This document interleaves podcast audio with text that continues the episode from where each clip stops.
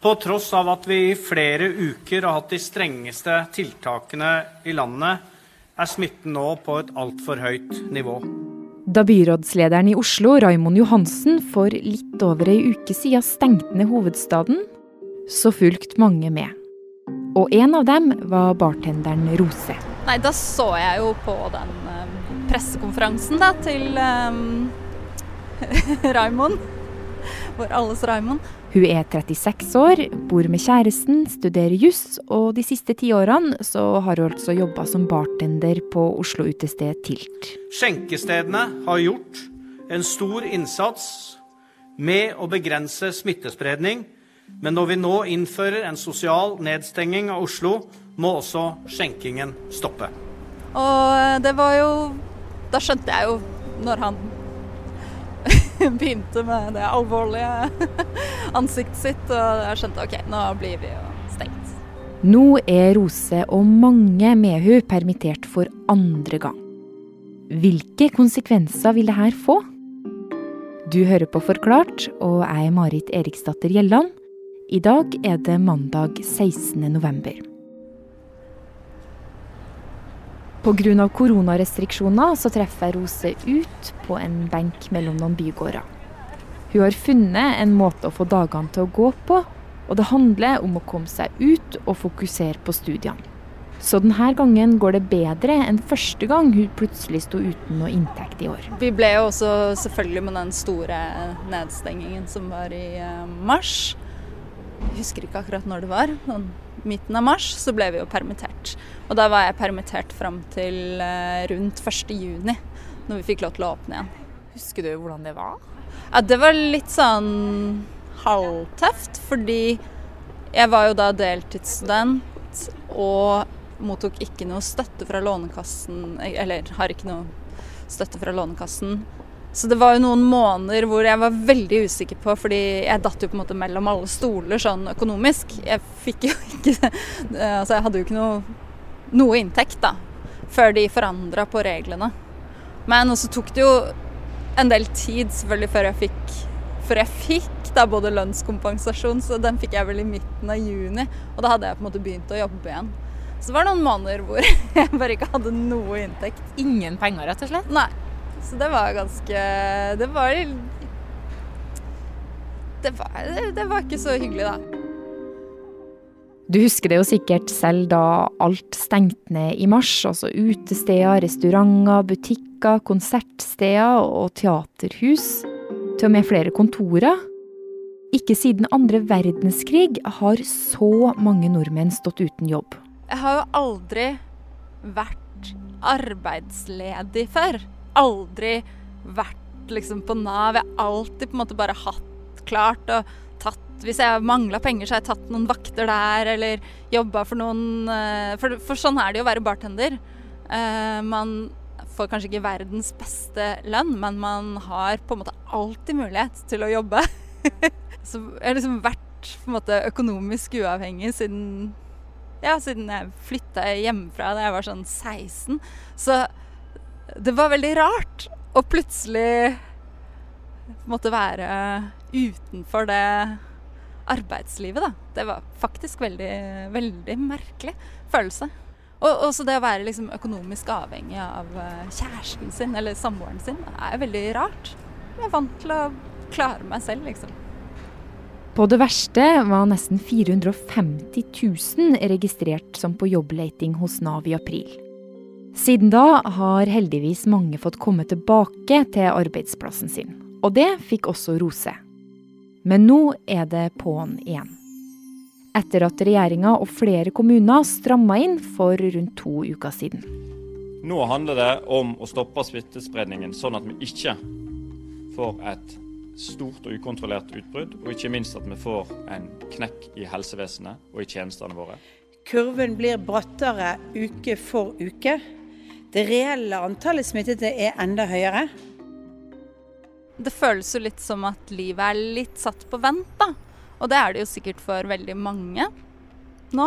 Men um, det er jo noe med at uh, Ja, ikke sant. Jeg er 36 år gammel. Jeg er jo voksen, har hatt en fulltidsjobb i, i mange år. Og nå har jeg en deltidsjobb, og, og det å liksom skulle leve det voksenlivet, spare til bolig Altså alle sånne ting da blir jo rett og slett bare satt på vent. Um, en ting er jo at jeg har dårlig råd nå fordi jeg blir permittert. Uh, og en annen ting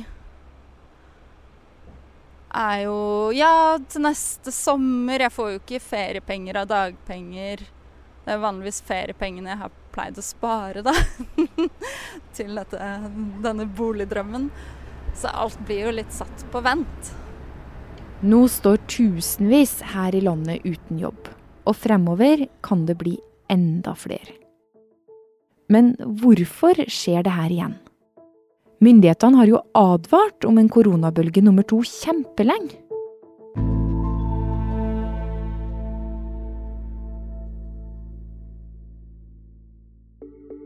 Både myndighetene og bedriftsledere har nok vært klar over at det kom til å komme en bølge to, sånn som vi ser nå.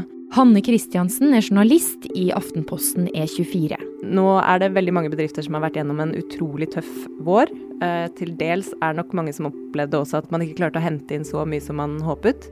Eh, og da, når man nå kommer inn i en ny runde med så strenge tiltak som det vi får nå, så er det nok mange som ikke lenger har de krigskassene, som det ofte kalles, altså reservene man har bygget seg opp da, for å komme seg gjennom krisetider.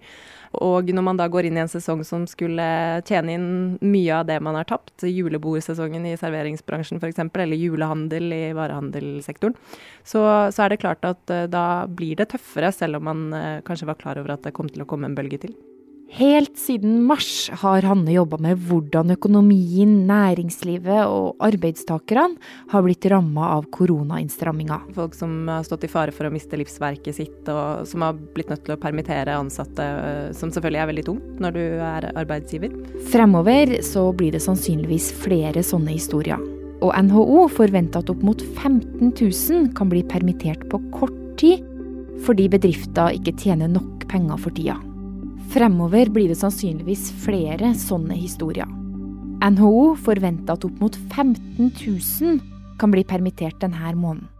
Mange av dem jobber med reiseliv, i utelivsbransjen, på treningssenter og i transportnæringa.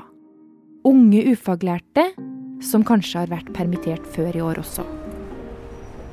Jeg har jo gått i, i minus, selvfølgelig.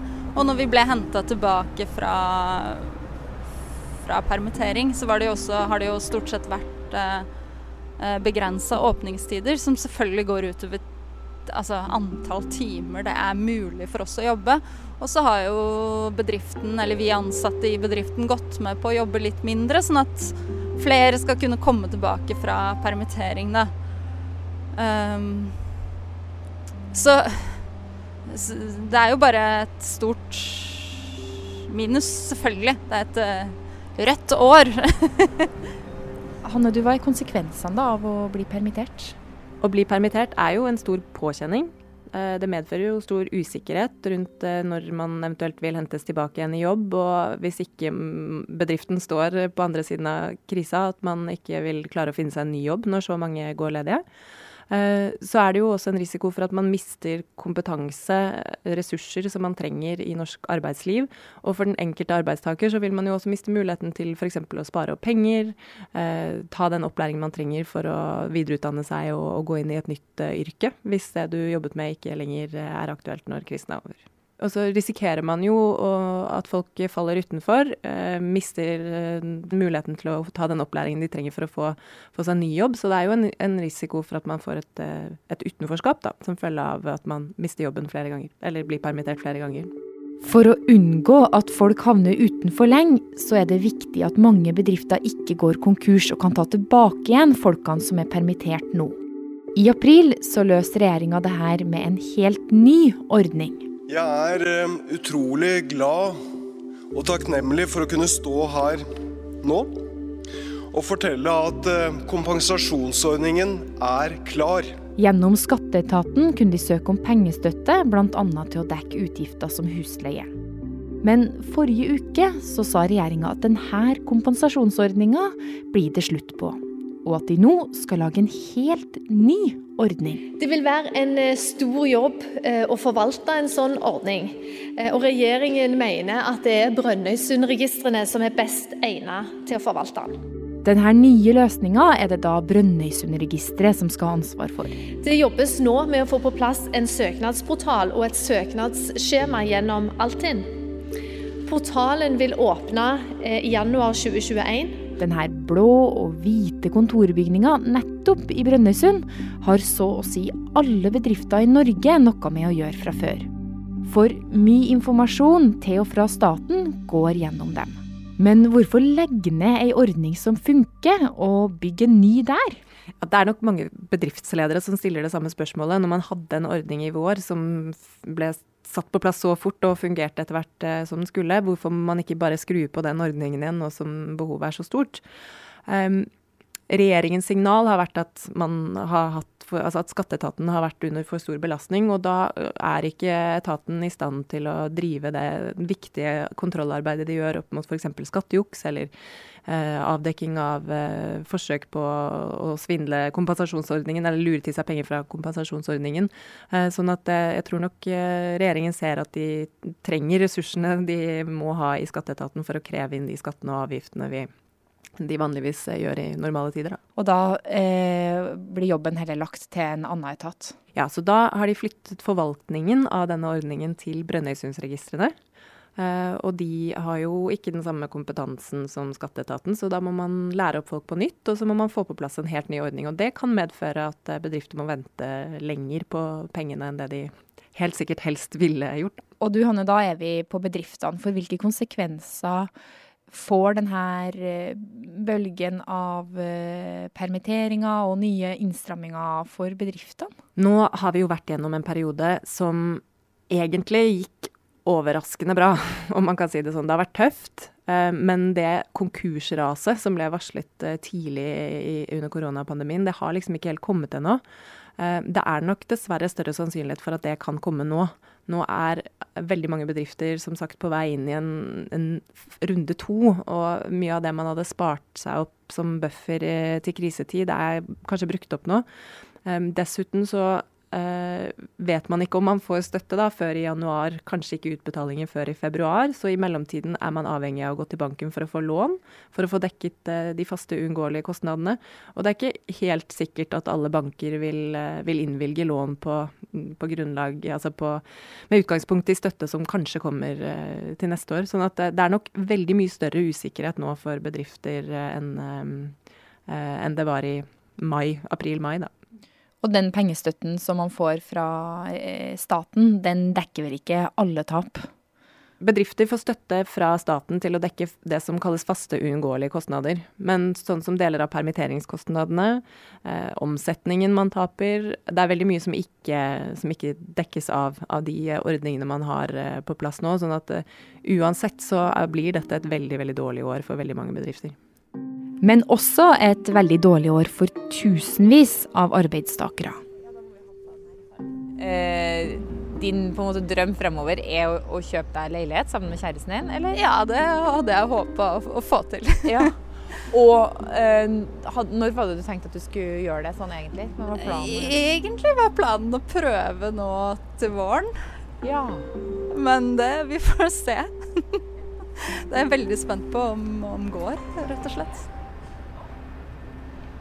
Altså For bedriftene så vil jo dette året være et veldig, veldig, dårlig år. Eh, og det vil jo påvirke investeringene man kan gjøre i årene framover, kanskje mulighetene man har til å ansette nye, nye ressurser i årene framover.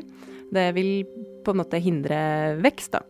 Eh, men eh, sånn på det overordnede økonomiske planet så er vi jo i en veldig heldig posisjon i Norge hvor vi kan bruke av oljepengene. Um, og det er veldig få som er uenig i at det er nødvendig og riktig å ta oljefondet nå for å redde arbeidsplasser og redde ressurser, uh, altså kompetanse vi har i norsk arbeidsliv.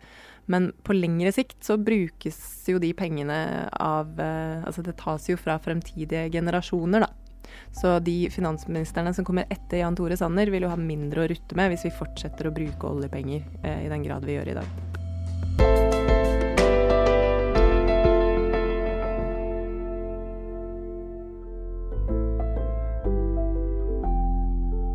Denne episoden er laga av produsent Fride Næss Nonstad og meg, Marit Eriksdatter Gjelland. Resten av Forklart er David Vekoni, Anne Lindholm og Karoline Fossland. Du har hørt lyd fra VG og regjeringa.no.